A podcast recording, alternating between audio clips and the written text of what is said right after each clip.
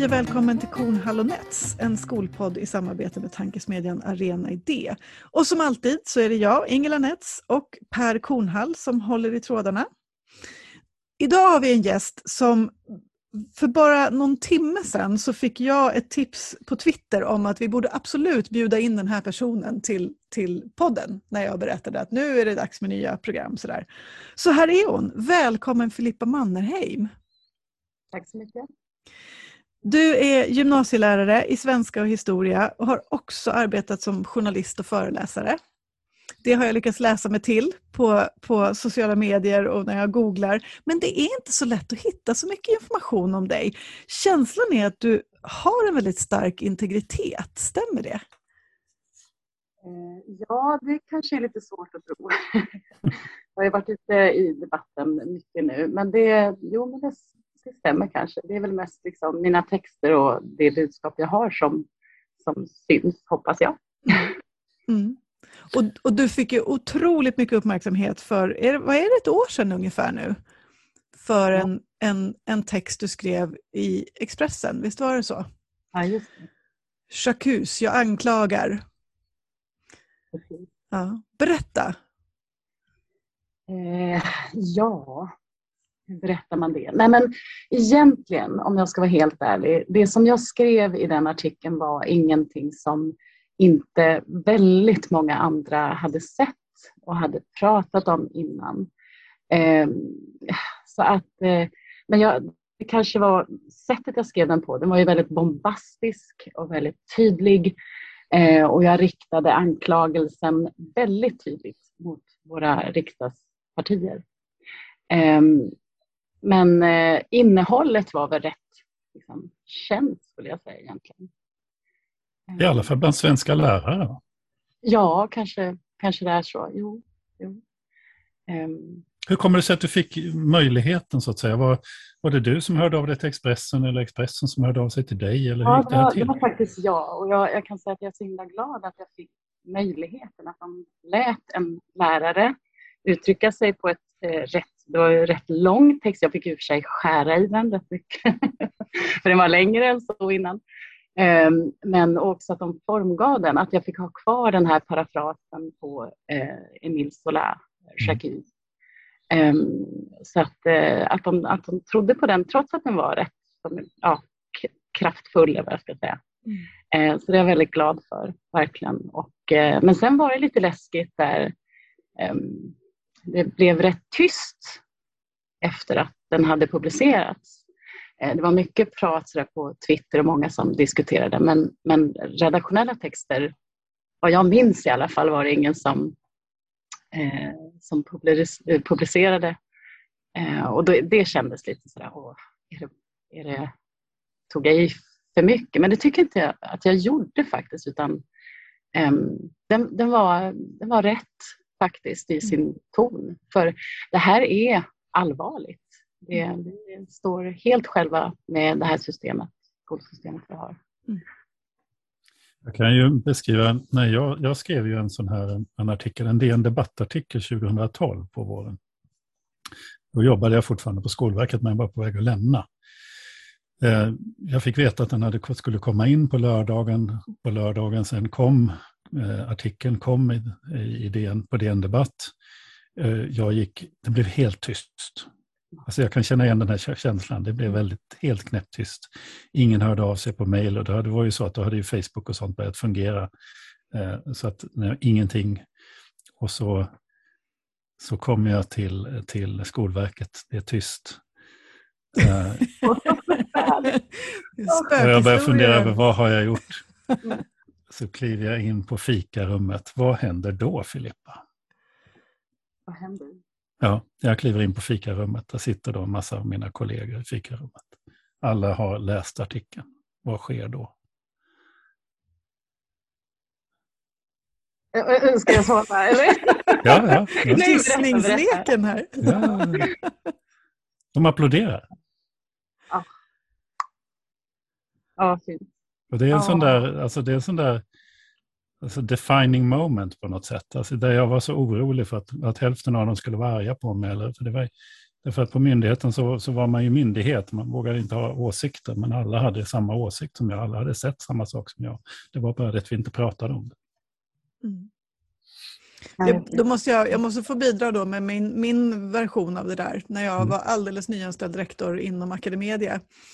Ehm, jag hade börjat på våren och där någon gång i, precis i augusti så var debatten väldigt het om, om eh, alltså lärarlöner och den här liksom cirkusen med lärare som bara bytte jobb för att få upp sina löner. Ehm, och jag skrev, eh, jag hade nog skrivit tror jag, en tråd på Twitter om det där. Hur, hur jag som rektor såg hur det var liksom så dåligt för eleverna. Att det blev en sån där ehm, flyttcirkus. Um, och blev uppringd av Dagens Samhälle som frågade kan inte du skriva en, den här, en text till oss om det här. Jajamän, tyckte jag. Jättekul. Och så gjorde jag det och, och, det gick snabbt och dagen efter var den publicerad. Ungefär samtidigt som den gick i, i, blev publicerad så insåg jag att jag kanske borde ha informerat min chef om det här. och står på min första så här, introduktionsdag med hela personalgruppen där precis i augusti. Och I en paus ser jag på min telefon att jag har ungefär 25 obesvarade samtal från skolchefen. så jag ringer upp och är helt övertygad om att nu åker jag ut direkt. Liksom. Det här, nu har jag skitit i det blå skåpet rejält. Um, och hon säger med där på stämman, du måste ringa kommunikationsdirektören nu, hon sitter i krismöte med ledningen. Så. Och jag ringer upp kommunikationsdirektören som skrattar hjärtligt, och jag, ska, jag menar verkligen hjärtligt, inte med någon ironi, utan det var verkligen hjärtligt, och säger fy fan vad bra du skriver. så det var lite, lite ja. samma förlösande känsla. Ja. Faktiskt. Vad hände, vad hände dig när, när din artikel publicerades? Alltså vad fick du för reaktioner från kollegor och från omgivningen? Så? Ja, men det, var, det var i stort bara positivt faktiskt. Mm. Eh, att, eh, ja. Eh, jag tror att jag egentligen, som jag sa innan, jag egentligen bara sa det alla tänkte och, och, det som var självklart. Lite kejsarens nya kläder på något vis över det. Ehm, så att, eh, ja, nu är det sagt liksom. Och, eh, det har ju kommit mycket, och det känns ju otroligt skönt att vi kan eh, prata om det nu på ett annat sätt än tidigare. Det var liksom, upplevde jag att, jag vet inte om det var min artikel, men det har i alla fall blivit en annan typ av diskussion om marknadsskolan nu tycker jag än det var för eh, två år sedan bara. Så att, och det är ju väldigt bra. Hög, alltså, liberala tidningar och ledarskribenter och ja, opinionsbildare kan eh, ta upp problem eh, utan att få kommunistkortet kastat mot sig. Ja. mm.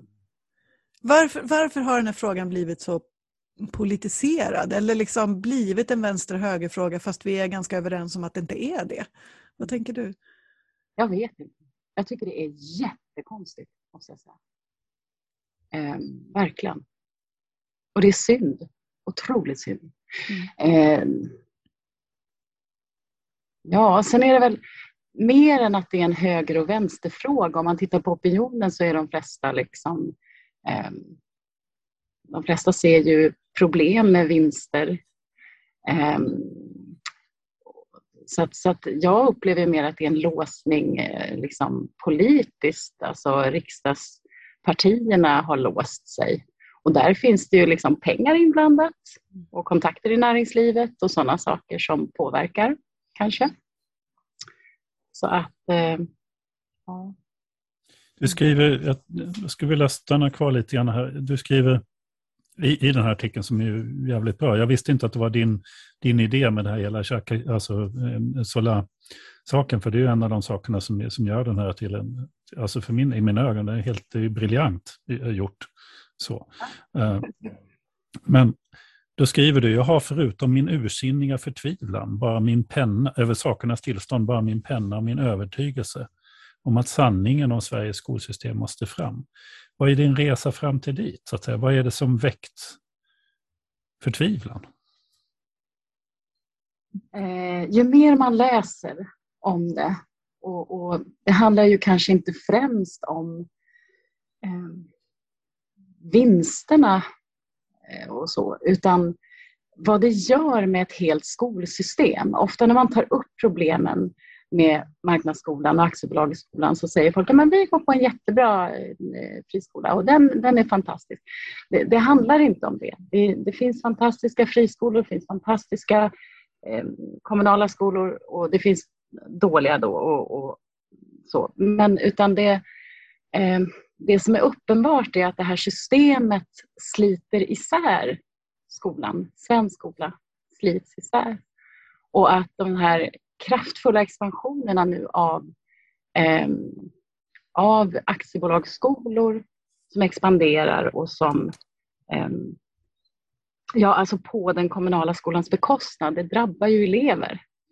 Eh, och vi får en väldigt segregerad skola, alltså att skol, skolan och skolsystemet eh, Eh, förstärker segregationen och, och tror man att skolan, som jag gör då, det är inget ställe dit man skickar sina barn för barnomsorg utan det är ju faktiskt eh, samhällets fundament. Eller vad, jag blir liksom lite, när du ställer frågan till mig, jag är lärare och jag tror på skolan och på utbildning och jag tror att skolan är ett, ett, en, en, ett samhälls eh, ja, ett samhällsfundament där vi liksom bygger vårt samhälle. Det är där vi börjar liksom, med att ge eleverna eh, kunskaper som de behöver med sig ut i livet. Och, eh, just nu har vi liksom förstört den institutionen. Och, det, eh, och sen finns det andra aspekter i det här också. Man börjar sälja ut skolan och har en massa ägare, utländska ägare. Alltså vad kommer hända med vår möjlighet att styra skolan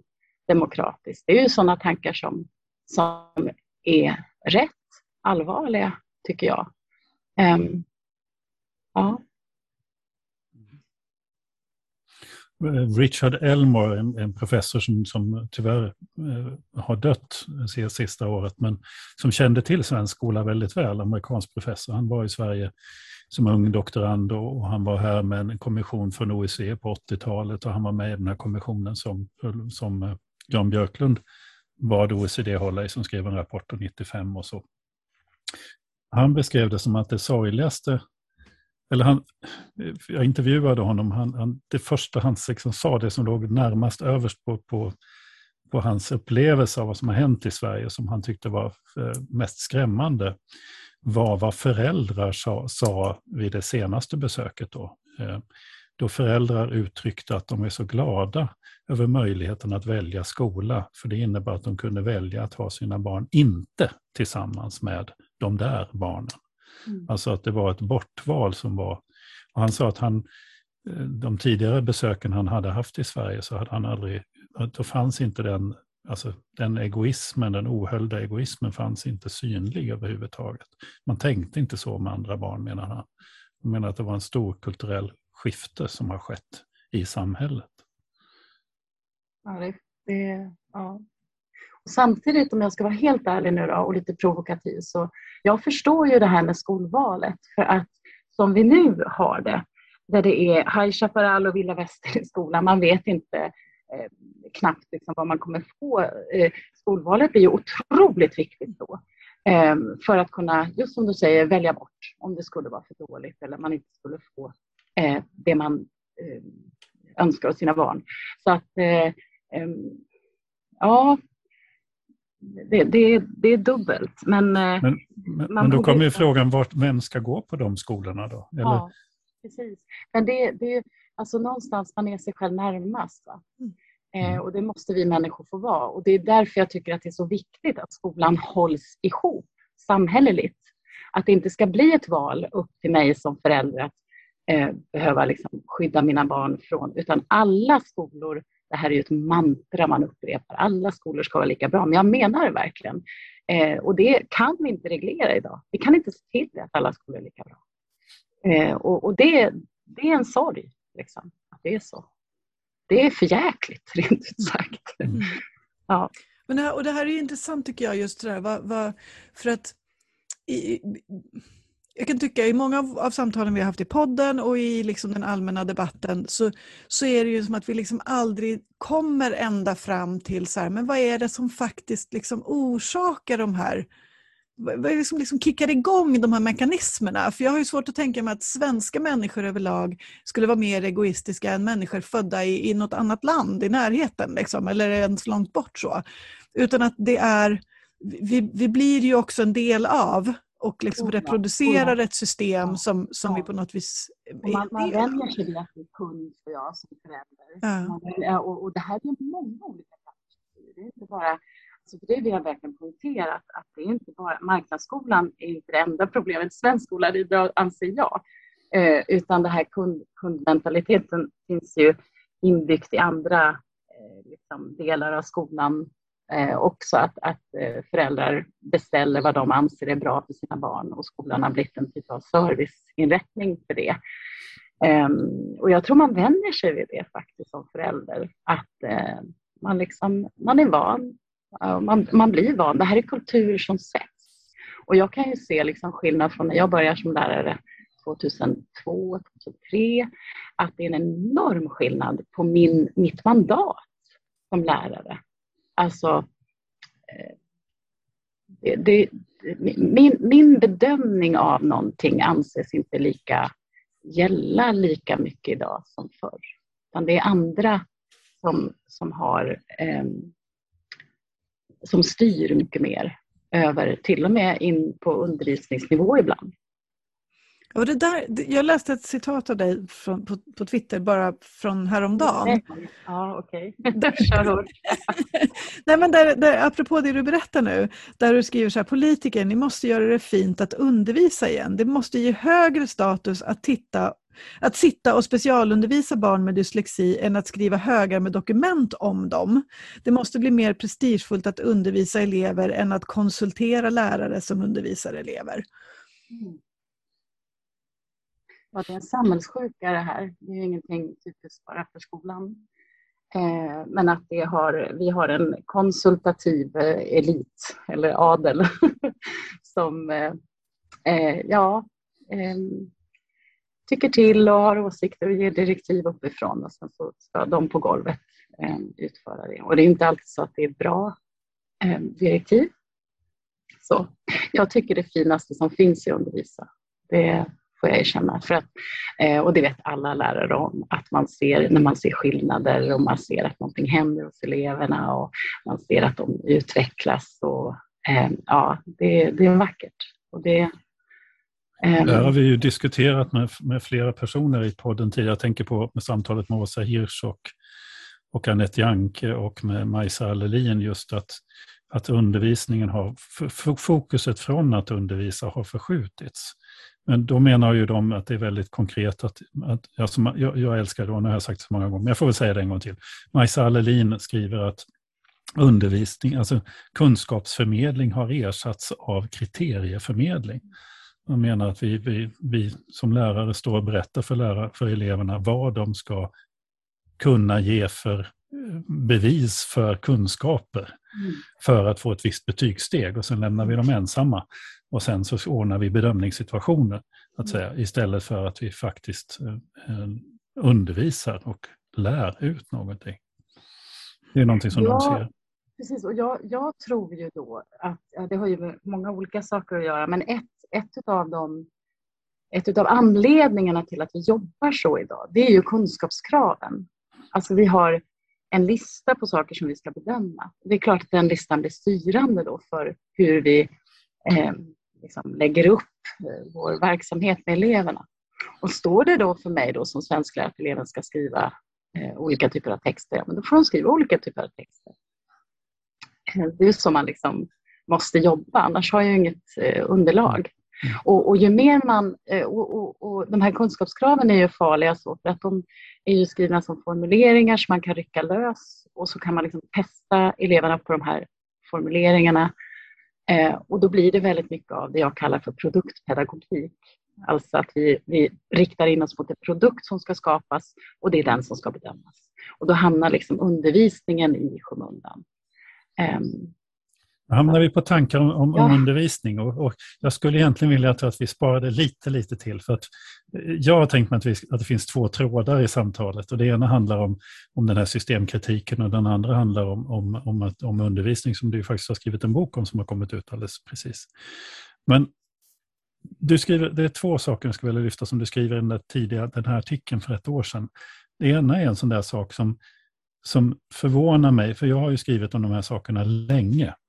Och så inser jag när du skriver om det och sen när Linnea Lindqvist skriver om det, så inser jag helt plötsligt att, att det får ett genomslag och det börjar uppträda på, till och med på, då, på, på vissa borgerliga ledarsidor. Att det är fortfarande så att tills bara för ett år sedan så hade inte poletten ramlat ner hos många av dem som, som tycker och, och, och pratar och diskuterar svensk skola. Alltså hur skolpengssystemet fungerar egentligen.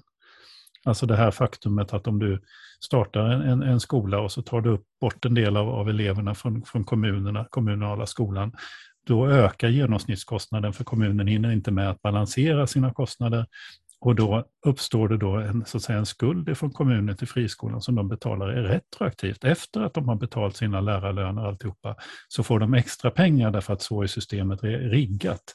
Alltså, mm, alltså brutala, dum, dumt, dumt byggda system för det här. Eh, hur kan det vara så att, vi kan leva med ett system i så, jag menar, låt säga att vi har haft friskolesystemet så som det ser ut i Sverige i 30 år, men det var kanske 10 år innan det tog fart att det blev någonting. Men i, i 20 år, i 15 år, i minst 10 år så har ju systemet fungerat på det här viset. Varför, varför landar poletten först nu hos vissa? Alltså vad, vad är det som gör att det tar sån tid? Jag tror att det, det kanske det är, svårt att pra, det, det är svårt att förklara och omständligt kanske. Men sen tänker jag att jag tycker inte riktigt så. Eh, jo, kanske poletten har trillat ner, men jag tror att kritiken mot eh, vårt system har väl funnits eh, ändå. Eh, men just låsningen hos våra partier, den, den är mer intressant tycker jag i så fall. Eh, därför att den omöjliggör att vi kommer vidare. Mm. Eh, och, och, och, där kan man verkligen gå in och fundera på eh, hur det ser ut. ibland kan jag bli politiskt deprimerad eh, verkligen skolpolitiskt deprimerad. För att det, det, det, är så mycket pengar inblandat och eh, så mycket eh, som inte har med att vi tänker långsiktigt kring vad skola är och vad det ska vara och hur vi vill, vi vill ha det. Eh, utan det är andra krafter och andra eh, saker som spelar roll. Det var inget svar på din fråga alls och jag tror inte ens jag kan svara på det. Andra kan det bättre än jag. Mm, mm. Nej, för du skriver ju det, jag tycker det, du skriver i den artikeln också, du riktar dig mot de enskilda partierna, vilket är spännande, spännande grepp och som jag tror också är viktigt. Jag tycker de har ett stort ansvar, verkligen, och, och, jag tycker inte att de har tagit det ansvaret. Och jag tycker mm. inte att jag fick särskilt bra svar heller, mm. eh, måste jag säga. Det var god dag yxskaft från många håll där. Och det är rätt allvarligt. Är man naiv eller är man cynisk? Jag vet inte. Och man kan ju fundera då, för du skriver ju också om Sverigedemokraternas svängning som ju de hade ju faktiskt ett kongressbeslut på att de var mot vinster i skolan.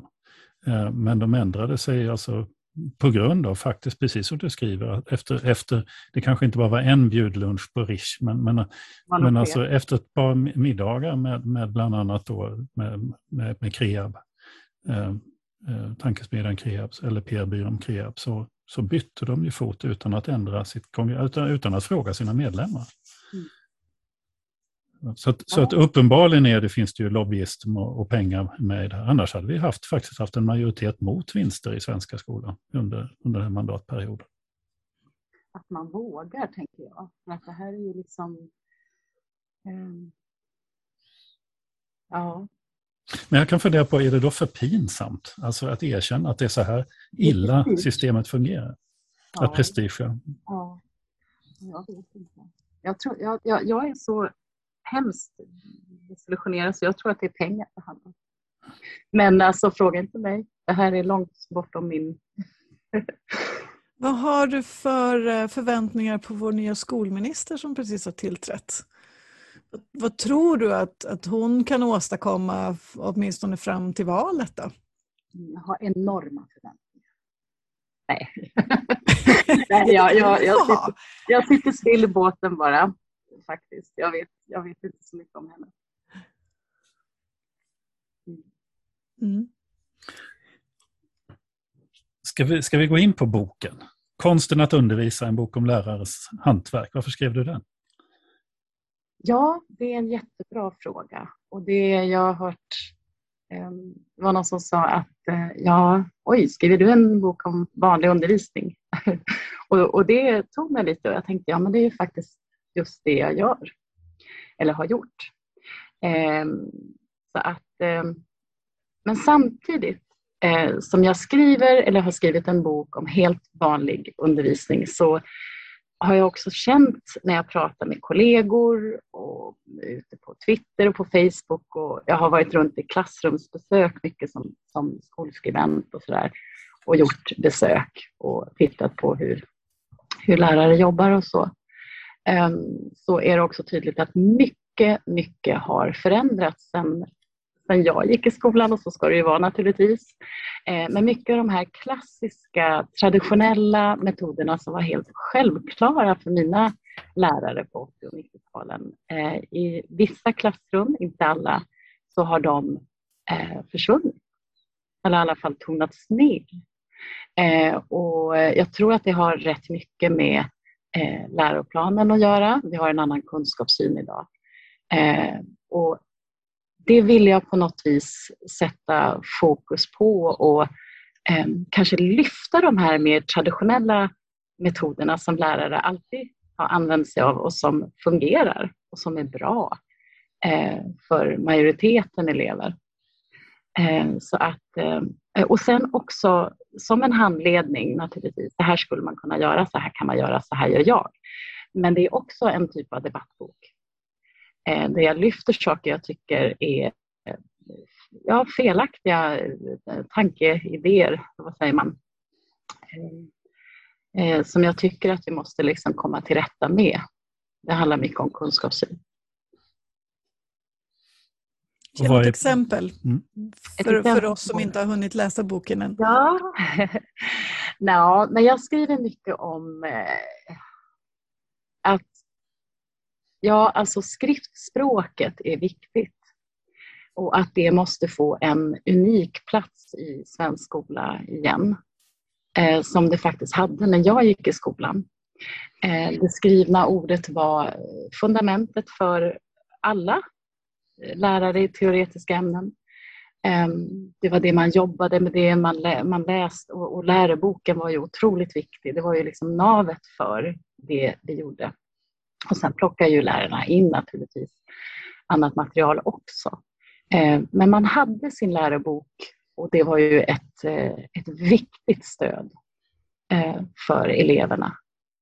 Ehm, och det ser jag, det har ju liksom fått konkurrens, det skrivna ordet har fått konkurrens från andra håll och man har mer och mer fasat ut det ur skolan och där ser jag en, ett stort problem att eh, det inte har den här unika platsen som det hade tidigare att eh, vi har gått från ett, liksom ett akademiskt ideal till eh, ja, någonting annat, vad det nu är. Det är en av de sakerna. Mm. Vilket ju skulle kunna ge stöd. Det finns ju, nu kommer jag inte ihåg vilka, vad de hette, de här, men jag vet att Åsa Winterek var inblandad i det. Det fanns ju en studie som tittade på mängden läsning ja. i svensk skola. Alltså de studerade i timstudier. Det har ju minskat ja. från fem sidor till en sida på en, om kommer jag ihåg, en 10, 15-20 års period eller något sånt där. Ja, det är en tioårsperiod. Mellan tioårsperiod. Ja. Det här, jag läste det, då hörde jag, jag, fick, eh, jag fick en chock alltså. Det var så tydliga siffror. Eh, man har tittat då på kvantiteten, alltså antal sidor som våra elever läser i årskurs 6 och 9 och så jämfört med, med eh, en, under en tioårsperiod vad som har hänt. Och det är, eh, alltså vi har ju, eh, alltså den undervisningsrelaterade läsningen har ju minskat drastiskt. Alltså. Eh, och det här är rätt, alltså, Ehm, och då, man har alltså tittat på det, det, man läser i klassrummet som läxor i alla ämnen på eh, skärm och på papper. Eh, och hälften av våra 15-åringar läser alltså mindre än eh, en, en sida om dagen i alla ämnen. Alltså jag kan knappt jag blev helt... Alltså när jag läste det där tänkte jag, gud nu, nu smäller det. Det här kommer ju verkligen bara... Folk kommer ju bli helt eh, chockerade. Så här kan det inte se ut. Vi må, nu kommer någonting. Ingenting. Mm. Och, det, och det, det, det blev nästan ännu mer en chock att vad, vad händer? Ty, tycker vi inte att det är viktigt att läsa? Vi pratar ju jättemycket om vikten av läsning och vi har läsambassadörer och vi har olika lässatsningar och vi pratar om att vi ska vara föredömen, vi ska gå med en bok under armen i korridoren så eleverna ser att vi läser. Men sen läser vi ingenting i undervisningen. Eh, eller ingenting med väldigt lite och att det minskar. Eh, det, det är liksom, eh, skolan ska ju vara kompensatorisk. Alltså de elever utan bokhyllor i hemmen ska ju eh, få möjlighet att kompenseras för det i skolan och så får de inte det. Vad gör vi på lektionerna? Undrar jag, om vi inte läser. För läser gör vi uppenbarligen väldigt lite. Då, om man till och med inkluderat läxorna i, den här, i de här siffrorna. Ja, det chockerar mig och det chockerar mig som sagt än mer att vi inte blir chockerade. om jag säger så. Om, om jag får leka lite djävulens advokat här nu då. Jag, jag påstår inte att jag, att jag vill säga emot dig, men jag prövar att göra det för att, för att alltså, ge röst åt, åt någon möjlig annan strömning. Sådär. Alltså, men, men om man nu tänker sig då motsatsen, att vi skulle ägna väldigt mycket mer tid och kraft åt läsningen och, och liksom, eh, höja den här mängden läsning som görs och, och höja värdet av läsningen. Um, alltså blir inte det exkluderande då för alla de barn som, som inte har lust att läsa, som, som har dokumenterade svårigheter, dyslexi eller vad det nu kan handla om, så, som, som där, där liksom det, blir, det blir ett oerhört motstånd att, att prestera på den nivån som man skulle kunna tänka sig att du förväntar dig då att man ska göra. Det här kräver ju att vi tar läsningen på allvar genom hela skolan och det var väl kanske det jag trodde att skola var. Lite grann att elever skulle lära sig läsa, skriva, räkna och också få kunskaper. Men eh, eh så att det är klart att det är viktigt då. Man kan ju inte börja plötsligt kasta ut en massa böcker i årskurs sju och sen kan ingen läsa.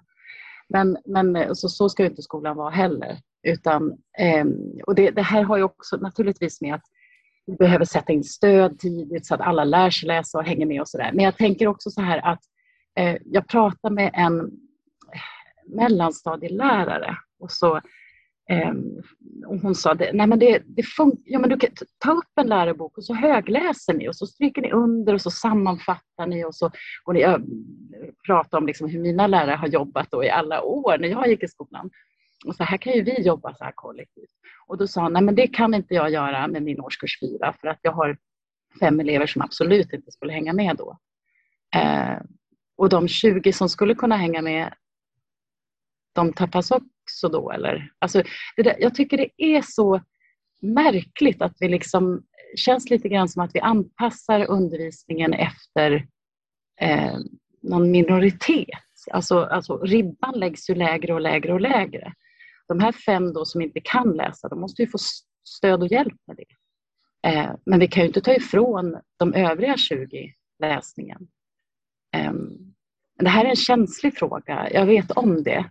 Ehm, men jag tror ju, och det skriver jag också i boken, att om vi skapar kollektiva metoder, alltså klassrumsgemensamma metoder för läsningen. Ehm, jag har flera elever som har svårt att läsa på gymnasiet som kommer upp till mig som inte har med sig eh, varken läsa eller skriva. Ehm, och eh, istället för att ta bort läsningen då så jobbar jag med att eh, dels föreläsa väldigt mycket mina elever. Ehm, jag föreläser och jag visar bilder till det jag föreläser. Jag skriver, eh, sammanfattar det jag berättar om på tavlan och då ska alla elever skriva ner det jag, för, eh, det jag skriver på tavlan, skriver de ner i sina anteckningsböcker. Och allt det jag föreläser om den här lektionen, det står i boken.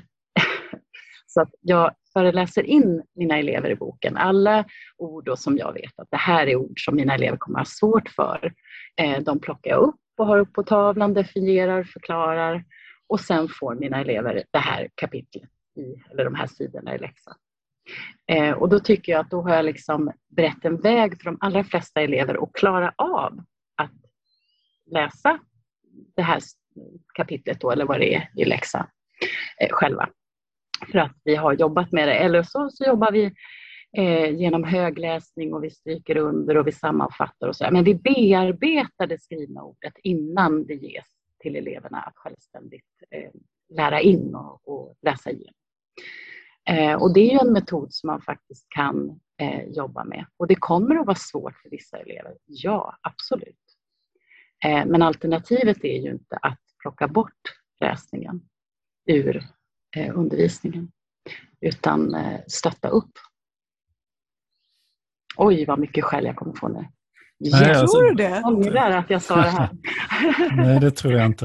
Eh, det roliga var att du citerade nästan ordagrant någon sån här gammal folkskolestadga någon gång. Eh, liksom så här. Eh, just om, om, om vikten av att man inte får skicka hem hemläxor som, inte, som, inte, som eleverna inte förstår. Alltså det var en sån här grundläggande kunskap som fanns i skolsystemet för ja, slutet av 1800-talet. Då. Att, att eh, det var ju liksom lärarens jobb att faktiskt förbereda eh, eleverna så att de kunde klara av de uppgifter som de skulle få på egen hand. Inte, inte det motsatta så att säga. Nej, och det kan man ju bli förbaskad över som förälder. Att ens barn kommer hem liksom med eh, groteska uppgifter som inte är läxor egentligen. Utan det är eh, stora komplexa arbeten som kräver föräldrar, akademiker, föräldrar för att klara av. Eh, det är många föräldrar som vittnar om det och så ska ju inte en läxa se ut. Jag tycker de här förberedda, bearbetade läsläxorna är väldigt bra. Alla elever klarar dem. Det är en kort bit, kanske två, tre, fyra sidor i läroboken som vi har gått igenom innan. Um, och sen så får man sitta på sin kammare och kanske Pelle behöver två timmar för det. Lisa har lätt för sig en halvtimme. Men det som händer är att alla som har jobbat kommer tillbaka till klassrummet och eh, ligger på, ja, har fått liksom samma, samma chans att öva in det, även om det har tagit olika lång tid. Jag har fastnat för en sak i, i, din bok som jag tycker väldigt mycket och som, som sätter lite grann för mig, Ehm, ja, som konkretiserar någonting som för mig är viktigt, som jag ser mycket av i skolsystemet. När du säger att att man ska ju ha prov på det man har undervisat. Alltså bara en sån, det, det låter ju banalt och enkelt och, och, de som inte jobbar i skolan kan ju fråga sig vad ska man annars ha prov på. Men, men, men det kan ju faktiskt vara så att om man har krav att man ska betygsätta efter vissa saker men man inte hinner med alla dem, ska man då underkänna elever därför att man är, alltså du, du för ju det resonemanget att det är faktiskt det som man har undervisat om mm. som man ska betygsätta ut efter. Det vill säga att eftersom du inte kommer undervisa precis likadant i varje klass så kan inte heller betygssättningen vara Alltså kan man inte proven utformas på samma sätt? För du har inte tagit upp vissa saker och så. Och det där är en sån grundläggande tanke som, som, vi, som vi är på väg att tappa bort i den här nationella prov Eh, hysterin där vi tror att man kan mäta alla mot någon sorts eh, generell standard. Men det är ju faktiskt beroende av vad du som lärare har gjort också. Eller hur? Eh, och jag tror att det är, om jag får lägga till det, men, men jag är ju väl, väl, tycker väldigt illa om de här förmågorna som listas i läroplanen faktiskt. Därför att ehm, ja, de här att eleverna ska resonera, diskutera, argumentera, tolka, tycka till. Eh, ja, det, finns ju fler. Ehm, men, men att, att de leder ju till, alltså de, de handlar ju om en, en, en typ av självständighet. Det står ju inte att eleverna ska äm, lära in en tolkning eller så, utan de ska tolka själv. Och, och då blir det ju nästan så att vi behöver äm, göra ett prov eh, på saker som vi inte har gått igenom för att testa det här. Och det tycker jag är väldigt märkligt, måste jag säga. Äm, ja, det, det, det, leder, ja, det leder till, till så, så, så eh, barnfientliga, får man säga så, men situationer liksom, där eh, man inte har en chans som elev. Eh, och jag tycker, att, eh, jag tycker det är viktigt att flit eh, faktiskt premieras. de som pluggar hårt ska ha en chans. Um. Jag, har, jag, har träffat, jag har träffat lärare i årskurs fyra i en, skål, en skola i Skåne som var bekymrade därför att deras elever vågade inte räcka upp handen för att de hade läst betygskriterierna och förstod att de skulle liksom klara det här själva. Så att de, de räckte inte upp handen av rädsla för att inte få liksom, betyg. Då. Eh, det finns en barnfientlighet i det. Ja, det gör det verkligen. Jag blir så ledsen när jag hör det där. Eh, och jag, jag möter ju... Eh, oh, ja, ja, men man möter ju mycket, många stressade elever idag, alltså särskilt ambitiösa flickor som verkligen eh, tycker om skolan och som vill göra bra ifrån sig och sådär. Eh, många stressade föräldrar som sitter hemma och försöker stötta upp liksom så här omöjliga uppgifter som de har fått från skolan. Jag kan förstå att man blir fast. Eh, och det här är ju... Ja, vi, vi, jag tycker vi har omöjliga läroplaner, att de leder oss till märkliga och felaktiga metoder. Eh, och, eh, men, men någonstans som lärare, jag eh, försöker tänka att det är de styrdokument jag har just nu men att vi ändå tar omvägen via inlärandet av eh, ämneskunskaper eh, genom det skrivna ordet och att det är, liksom, måste på något vis vara anpassat efter barns mognad och ålder. Ehm, det är viktigt. Ja. Kommer den här boken, jag skrev en sån fråga i förväg här, som du skrattade, eh, skrattade ehm, i e-posten eh, tillbaka där när jag frågade, kommer den här boken nu att bli, bli en bok på lärarutbildningarna i Sverige? Så, och då skrattade du åt det. Ja, det var ju naturligtvis att jag, för att det var en, det var en, en retorisk fråga. Ja, nej. Jag tyckte det var roligt. Nej, jag, jag tror inte att den kommer bli det. Eh, men eh, de får gärna bevisa mig fel. Ja. Jag känner ju någonstans, jag satt och tänkte på det, att som traditionell lärare, för det upplever jag mig som, eh, även om jag har väldigt mycket digitala verktyg i undervisningen faktiskt, men det är jag som har det, inte eleverna alltid. Men att jag...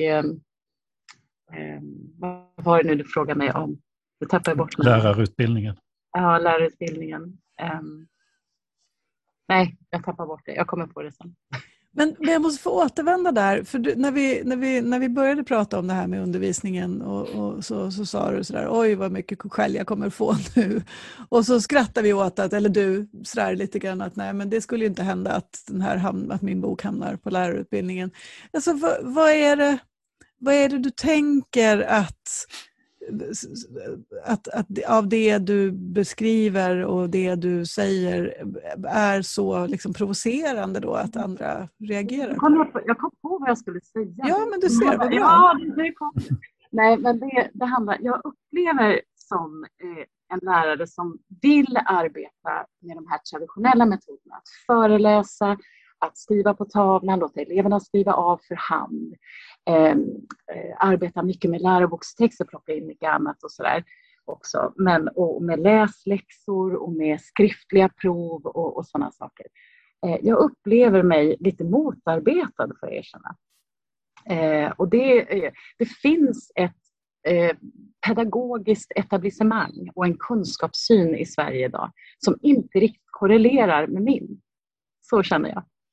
Eh, och eh, eh, och det, det gör att jag pratar om omvägar, men jag känner faktiskt precis just så. Jag får ta omvägar för att liksom uppnå de här metoderna som jag tycker är viktiga. Som är liksom, sen har jag andra metoder också, men det här är liksom grunden för hur jag undervisar.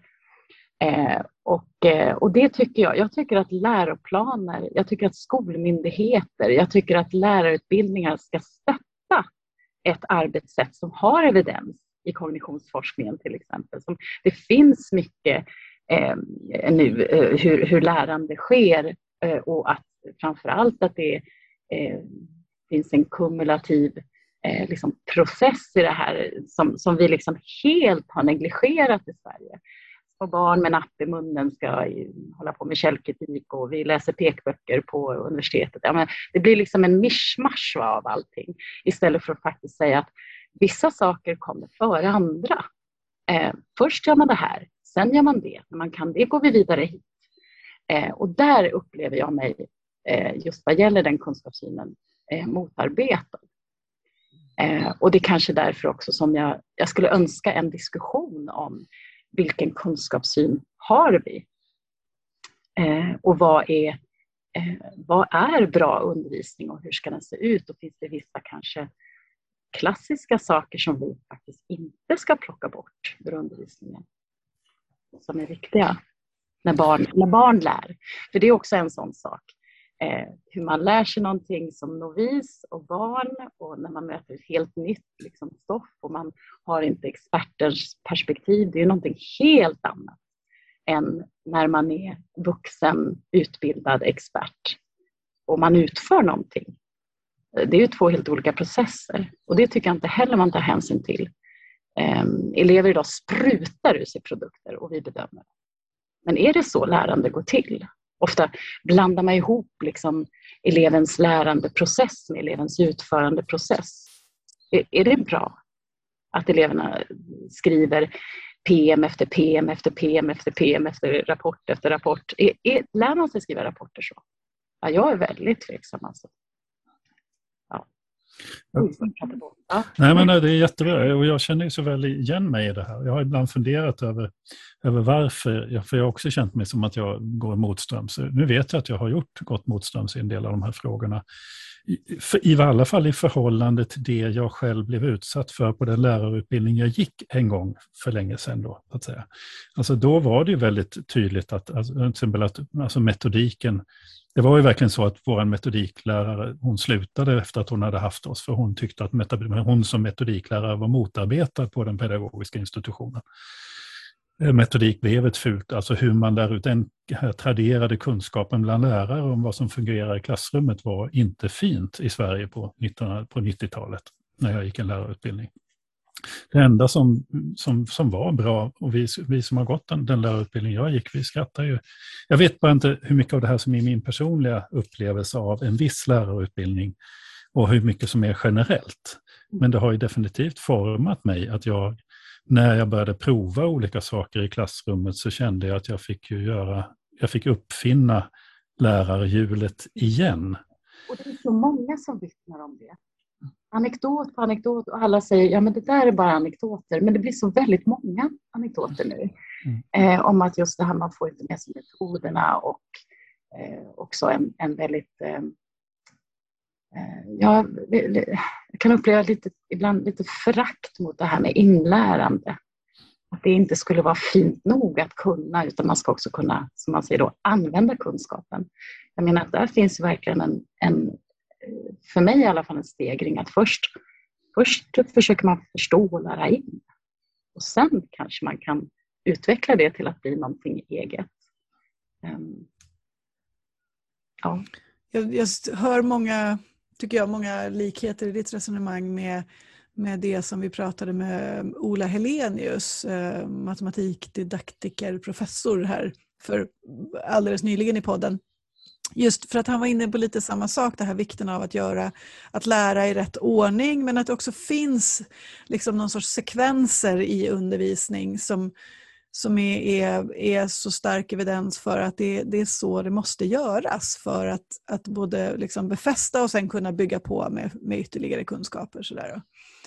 Men vi, vi, ja, förlåt Per. Han jag ska bara lägga till att han, mm. han var också väldigt tydlig med att med att de i sina projekt nu lär ut metodik, alltså de lär ut hur man kan och bör undervisa i matematik. Alltså mm. det här böret som är, verkligen är, eh, då kan man verkligen tala om att man är ute på svag is i förhållande till många av de pedagoger jag mötte på min utbildning. Där fanns det verkligen inget sånt bör, utan, utan så. Utan Olle Henriks var ju tydlig med att säga att de, de visar på att man genom att få färdiga lektioner kan lära sig att undervisa på ett nytt sätt. Alltså det var ett sätt att utveckla sin repertoar. Eh, sen behöver inte det betyda att man är helt okritiskt alltid gör så, men, men att det är ett sätt att pröva ny mark som lärare. Att verkligen få föreskrivet i någon mening för sig hur man faktiskt kan göra. Vilka frågor man ska ställa, vilka begrepp man ska ta upp och när man ska ta upp dem och så. Det gör det inte hela enklare på något sätt. Men, men, men det är ett väldigt, väldigt annorlunda samtal det som vi hade med Ola jämfört med det jag mötte på min lärarutbildning. Mm. Men ska, vi, ska vi tro då att, att pendeln ändå är på väg lite grann tillbaka eller hur vi nu ska uttrycka det, att vi har liksom skolan som system och med inklusive lärarutbildningar och så har liksom gjort en, en utflykt i de, i de här om vi nu ska kalla det progressiva idéerna som, som där, och jag, jag har också befunnit mig där i ganska stor utsträckning och, och, och tycker att det finns väldigt mycket intressant att hämta där.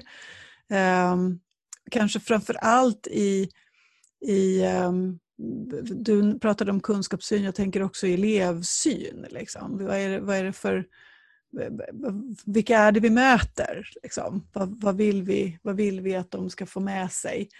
Um, men men um, vad tror du Filippa? Är det, är det ändå, även om du känner just nu att du jobbar lite sådär i motvind, är det, kommer vi att röra oss mot en, en jag vet inte hur jag ska, hur jag ska förklara det, men en liksom tydligare bild av hur det var. Klassisk pedagogik då, om vi nu ska kalla det så. Jag hoppas ju det. Men samtidigt så, ja, om vi går tillbaka till den här undersökningen som visar hur mycket vi läser i skolan. Ehm, som svensklärare så tänker jag eh, att jag har liksom tänkt på hur otroligt hur otroligt annorlunda och lite vi läser jämfört med hur vi läste förr. Um, hur mycket högläser vi tillsammans skönlitteratur till exempel. Ehm, jag har minnen av när jag gick i, i skolan att, att vi, vi högläste rätt mycket skönlitteratur. Även på gymnasiet i antologin. Man läste dikter tillsammans och eh, vår lärare visade hur man tolkar de här dikterna och vi strök under och vi definierade ord och pratade om det och sådär. Eh, jag hoppas att, att pendeln håller på att svänga tillbaka. eh, och ehm, det finns ju många lärare, det vill jag verkligen betona, som verkligen sätter liksom det skrivna ordet i fokus, som jobbar med det handskrivna ordet, som jobbar med eh, skriftliga prov. Det är inte så. Men jag skulle önska att det var, att det var liksom mer uppifrån, att det, man fick stöd i det uppifrån mer. Um, sen är det ju så här att vi, vi verkar alla på en skolmarknad och det är klart att just nu kanske jag sitter här i er podd och berättar så här jobbar jag med traditionell undervisning och det är lite hippt sådär. Wow, traditionell, oj, jag har ju kört digitalt i så många år. Kan man köra på papper nu? Åh, vad häftigt. Och så blir det en trend. Eh, och, och, så kanske den trenden var i något år eller två och sen så har vi en ny. Ja. Så att, eh, vi måste ju alla liksom profilera oss idag på en marknad och det, är, eh, och det är ett jätteproblem att det är så. Att det inte är stabilt och eh, att inte undervisningen i svenska i mitt klassrum ser i stort sett likadant ut i ett annat klassrum. Det kan vara någonting helt annat. Um, ja, med det sagt så tycker jag verkligen att lärarna ska ha eh, frihet, verkligen. Eh, men eh, ja, vissa saker ja, måste, måste finnas där. Ja, jag skulle säga att man har så stor frihet i vad, vad, man, vad man, så att säga, just, vad man Eh, men, men, man behöver ha någon typ av gemensam kunskapsbas om hur yrket fungerar, hur det går till. Det är ju liksom nödvändigt för att det ska vara en profession. Det måste finnas en kunskap om vad som faktiskt fungerar i olika situationer. Har vi det, tycker du? Nej, nej, det tycker jag absolut inte vi har. Eh, jag tycker vi, och vi tycker att, att där, alltså det är någon sorts vision för vad läraryrket är. Det, att, kanske bara det att vi har att vi har, nu är det en extremt överdriven siffra för att det är fel att räkna på det viset. Man, man brukar ju säga i alla fall att man kan räkna in 28 lärarutbildningar i Sverige. Och de finns inte under någon sorts gemensam paraply. Alltså vi har ingen idé om läraryrket. Det här är någonting som OECD lyfter fram i sin rapport 95, då, att vi inte har någon, liksom någon samlingspunkt för, för lärarutbildningen där det finns en idé om vad det här yrket ska innehålla och varför. Utan alla gör bara sitt på olika sätt och så. Och, och jag kan nog tycka att, att det är ett problem att vi inte har den här idén, kunskapsbasen, någon sorts gemensam kunskapsbas för, för läraryrket. Det är så? Det är jätteintressant. Ja, men, men det, är, alltså, i, i den, i den våg det som hände där på 90-talet, alltså i början av 90-talet, den decentraliseringen, kommunaliseringen, avregleringarna av skolan, att lärarutbildningarna akademiserades, lärarhögskolorna lades ner, allting flyttades om så att säga. Eh, och där, ja, där tappade man en motvilja mot en stark styrning från, på nationell nivå, antar jag. Så någonting hände ju där som gjorde att systemet på, på väldigt många olika plan driver isär. Och det finns ingen vilja idag att liksom försöka reglera eller se till att... Jag, är, nej, jag, jag tillhör dem som, och nu pratar vi om mig istället för om dig. Men, ja, det vände väldigt snabbt här vem som började ställa frågor. Eller hur? Jag passar på. Ja, men jag, jag, jag tillhör dem som, som envist i olika sammanhang, på olika konferenser och i möten med, med olika uppsatta personer hävdade att just den här delen av OECDs förslag var väldigt bra och var väldigt viktig. Men jag kunde också notera att det fanns ett genuint jättestarkt motstånd mot det från alla, alla parter, så att säga. Inte minst lärarutbildningarna, inte minst universiteten som för, för vilka lärarutbildningarna är en stor, stor inkomstkälla, ska man veta. De vill inte gärna att någon ska in och peta och röra i den grytan. Eh, så det fanns ett stort motstånd, absolut. absolut. Det landade inte hos någon som jag har träffat överhuvudtaget. Jag tycker fortfarande att det är en viktig idé, för jag tror att de hade ett perspektiv som vi saknar på lärare både på lärarprofessionen och på lärarutbildningarna. Kanske just därför det var så svårt att, att liksom se det överhuvudtaget. Jag vet inte. Nu bara spekulerar jag. Tillbaka till dig. Men där kanske vi kan, kan uh, skicka en, en passning med lite förväntningar till, till uh, Anna Ekström då, då, som ju faktiskt ja. numera är minister för högre utbildning. Mm. Uh, apropå förväntningar på våra. Våra makthavare. Så. Men jag skulle vilja återvända Jag skulle gärna vilja veta varför hon ville bli just det nu. Ja. För hon kunde ju ha fortsatt vara skolminister, ja. men hon ville ju det. Vad har hon för tanke om det? Ja. Vi får bjuda in henne igen och ställa mm. frågan. Mm. Eh, jag skulle vilja återvända till det här, vi var inne på det, du var inne på det Filippa, med, med just det här, vad, vad, alltså, vad behöver lärare göra? Hur ska vi liksom ta ansvar för någon sorts likvärdighet i, i hela landet? Och så, så i, i mitt huvud så, så drog jag en, en, en snabb koppling till, eh, till skoltwitter som ju är en liten ankdamm av, av, och ett litet, litet utsnitt av svensk skola. Det ska vi vara högst medvetna om. Men det är en ganska röststark ankdamm. Eh, så, där, där du också är en, en, en liksom känd och eh, Eh, väldigt aktiv eh, röst, tänker jag.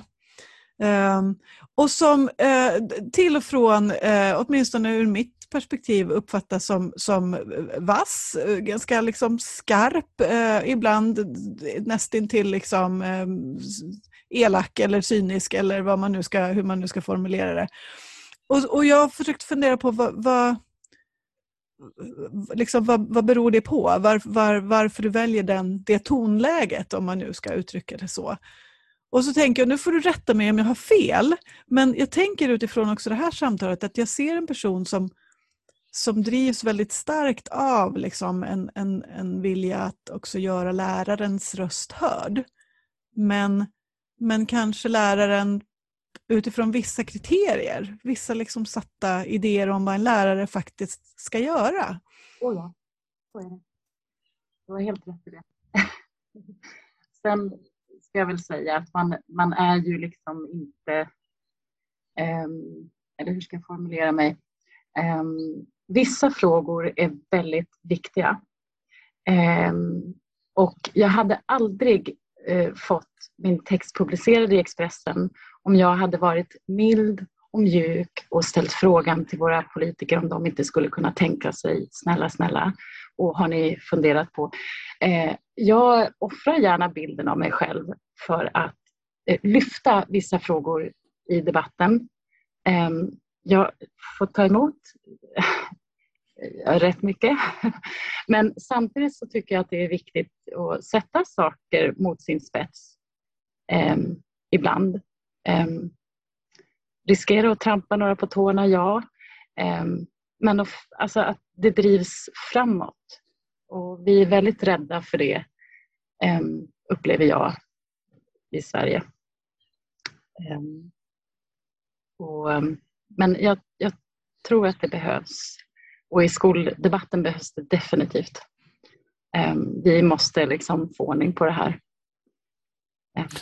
Vad tycker du generellt om, om debattläget just på skoltwitter? Nu, och jag ska ärligt säga att jag har liksom lämnat det därför jag tyckte att debattklimatet var för lågt. Men, men, ja. Lågmält? Nej, nej, nej utan, utan att det var för... Alltså, det var som att titta in på en skolgård jag inte skulle vilja vara elev på. Därför att man var så tuffa, man, man fick så konstiga svar från folk så att, uh, ja. Så jag, orkar, jag orkade inte personligen med liksom det här debattklimatet. Då. Ja, ja. Eh, jo, jag har hört... Eh, nej, men det kan vara tufft. Så är det ju, absolut. Eh, och samtidigt otroligt varmt och inbjudande och stöttande. Det är ju allting. Så ser det ut. Mm.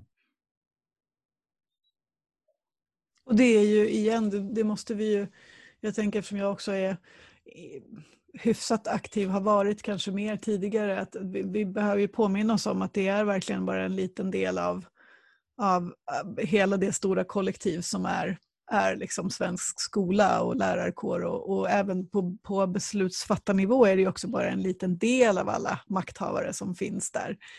Um, men jag kan också, jag kan också Eh, jag kan bli bekymrad över tonläget generellt utifrån att vi eh, jag tror att det är lite det som jag, som jag hör dig säga också Filippa, att, att det finns vissa frågor som är så viktiga att de måste få överskugga eh, eventuella liksom, eh, meningsskiljaktigheter i, i ja, vad det nu kan handla om, vilka metoder man använder i klassrummet. För det finns större frågor som är, som är liksom, eh, helt avgörande för hela svensk skolas mm, välmående på något vis.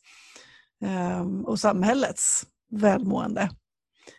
Men, men det är klart att, att blir, det för, blir det för snällt så händer det säkert heller ingenting. Och det där är, det är en viktig det är liksom en viktig input i det sammanhanget, tänker jag också. För de, de, de aktörer som vi också har att diskutera med, eh, apropå spekulationen om att det handlar om mycket pengar i den här frågan också, det är ju lobbyister som är proffs på att, att, att föra fram sina åsikter och se till att andra inte för fram motsatta åsikter. Så. Ja. Vi måste väl börja avrunda tänker jag. Men, men, men, men vi går tillbaka till, till, till eh, vår nya skolminister. Om du var i hennes kläder nu och du hade en, du hade eh, riksdagsmajoritet bakom sig, vad är de första tre sakerna du skulle besluta om? Ja, nu är det ju så att jag är lärare. Va? Mm. ja, nej men alltså så här, första tre saker, som där måste jag tänka på innan jag kan uttrycka mig om. Så jag, jag passar på den faktiskt. Jag frågar en annan fråga. Vad är ditt nästa projekt? Nu har du skrivit den här boken. Ja, Vad är... precis. Um, mitt projekt för dagen det var att lära ut um, Viktor Rydbergs Tomten till tre klasser. Det har jag gjort nu. Jag är rätt hes Mm. Ehm, så att det är jag nöjd med, att eh, vi lärde oss den utan till. Nästan alla elever kunde den. Ehm, men om du tänker på projekt lite längre fram. Eh, ja. Nej, jag har, jag har inga alls. Åh, oh, vad tråkigt det lät, men det är verkligen så. jag, känner, jag kände verkligen när jag skrev den här boken att nu är orden slut. Nu har jag inga fler. Nu, nu är liksom, så, och så ska det lite kännas när man har skrivit någonting stort. Mm. Så att, eh, men de kanske kommer tillbaka, orden. Men, men, men det är också fint, för det, jag tycker att det är, ibland tänker jag kring författare, eh, eh, Alltså det är en skillnad på om man skriver det som man tycker sig behöva skriva. Alltså man måste inte ha projekt, utan man genomför de projekt som man tycker sig behöva, behövas göra. Annars är det ju faktiskt så att man har fullt upp med sitt dagliga liv. Det jag tror att det, och det... Oj. Nu tappar vi dig, du får ta om den där. Hör ni mig nu? Ja, nu är det med. Jag skulle vilja eh, bara säga det som svensklärare, att det är något, precis det här du säger. Man säger det man behöver säga och så har jag känt med allting som jag har gjort. Nej, det här går inte längre. Jag måste få säga det här. Eh, och, och, den här boken den är så viktig och den, den brinner i mig. Den måste bli skriven. Eh, och, och, det har väl jag känt som, som en sån här eh, eh att, att jag tittar på, på läroplanen och sen så ser jag eleven debatterar, eleven argumenterar och det står om allt det där som jag faktiskt gör utanför undervisningen. Eh, och sen så eh, när man liksom utformar den, den sortens undervisning eh, så blir det väldigt statiskt. Det här ska eleven, eleven ska argumentera och så ska det vara en tes och ska vara argument till det. Eh, och, och, väldigt sällan så leder det till någon eld hos eleverna. Och jag tror ju att den här traditionella undervisningen med ett innehåll i fokus, det är någonting som vi ska lära oss. Det är inte bara nu ska ni argumentera om vad? Ja, välj vad du vill, skolmat eller eh, ja, världskrig. Eh, utan det är verkligen det här innehållet är så viktigt så att det måste vi lära in. Det måste vi kunna mycket om. Det tror jag skapar en eld hos eleverna, om det nu är den man är ute efter med allt det här tyckandet och resonerandet och diskuterandet och allt det här vackra som står, eh, så tror jag faktiskt att just ämneskunskaper skapar ett enormt intresse hos eleverna. Eh, för att när man kan någonting, eh, då, då vill man prata om det. Då vill man liksom, ja. Så att jag tror att det leder till mer engagerade elever när man fokuserar på just ämnet inte matriserna, inte förmågor. Det tycker jag var en väldigt, väldigt bra avslutning. När man Verkligen. vill prata om någonting så gör man det. Eller hur? När man mm. vill skriva om någonting så gör man det. Det var väl en väldigt bra sammanfattning av samtalet. Jättetack för att du var med oss Filippa idag. Verkligen, jätteroligt att du ville vara med. Ha det så bra. Vi hörs. Hej då. Ja. Ja, dessa engagerade lärare. Ja, eller hur? Varje så, gång är lika. Jag blir så glad, det glittrar ja. i ögonen. Ja. Ja. ja. Och det här är ju en lärare som, som, eh, som, som liksom, ja men hon, hon är ju medveten om det. Jag, jag blir så glad över liksom att, hon, att hon sätter ord på det här att ja, men jag måste få säga det här. Det här är mm. så viktigt för mig. Mm.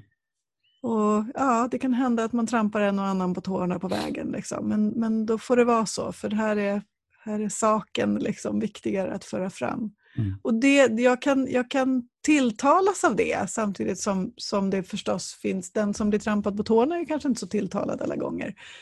Förstås. Um. Men det var väldigt, väldigt roligt att prata med Filippa om, om just hennes undervisning. För det är en, en sida av henne som jag inte har liksom varit så bekant med tidigare utan det har ju varit den här liksom, systemkritiken och, och den här fantastiska texten från mm. Expressen. Ja, för den är ju lysande. Ja, det, är ju en, det, är, det kommer ju att bli en riktig eh, liksom, milstolpe i svensk skolhistoria, tänker jag på något mm. vis. Mm. Den är lysande i sin, sin retoriska liksom, form och till innehållet.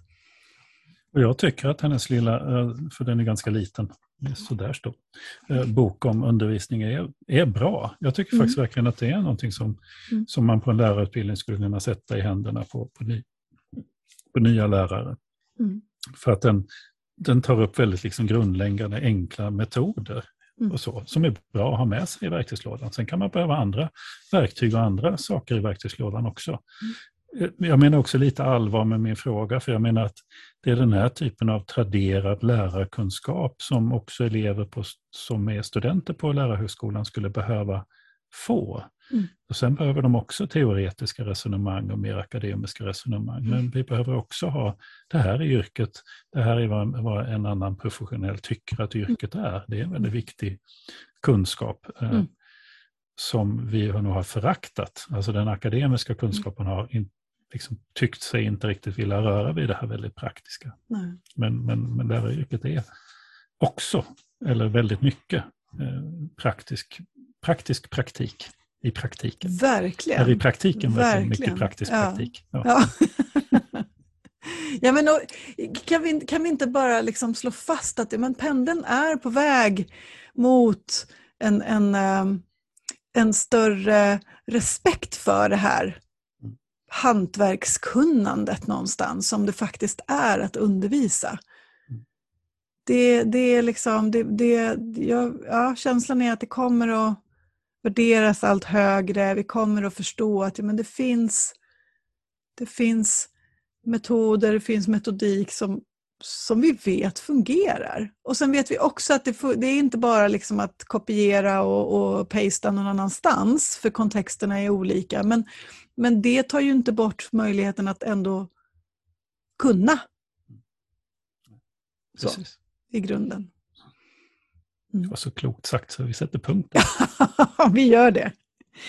Du har just lyssnat på ännu ett avsnitt, nummer 47 tror jag faktiskt att det är, av Shit. Kornhall och Nets.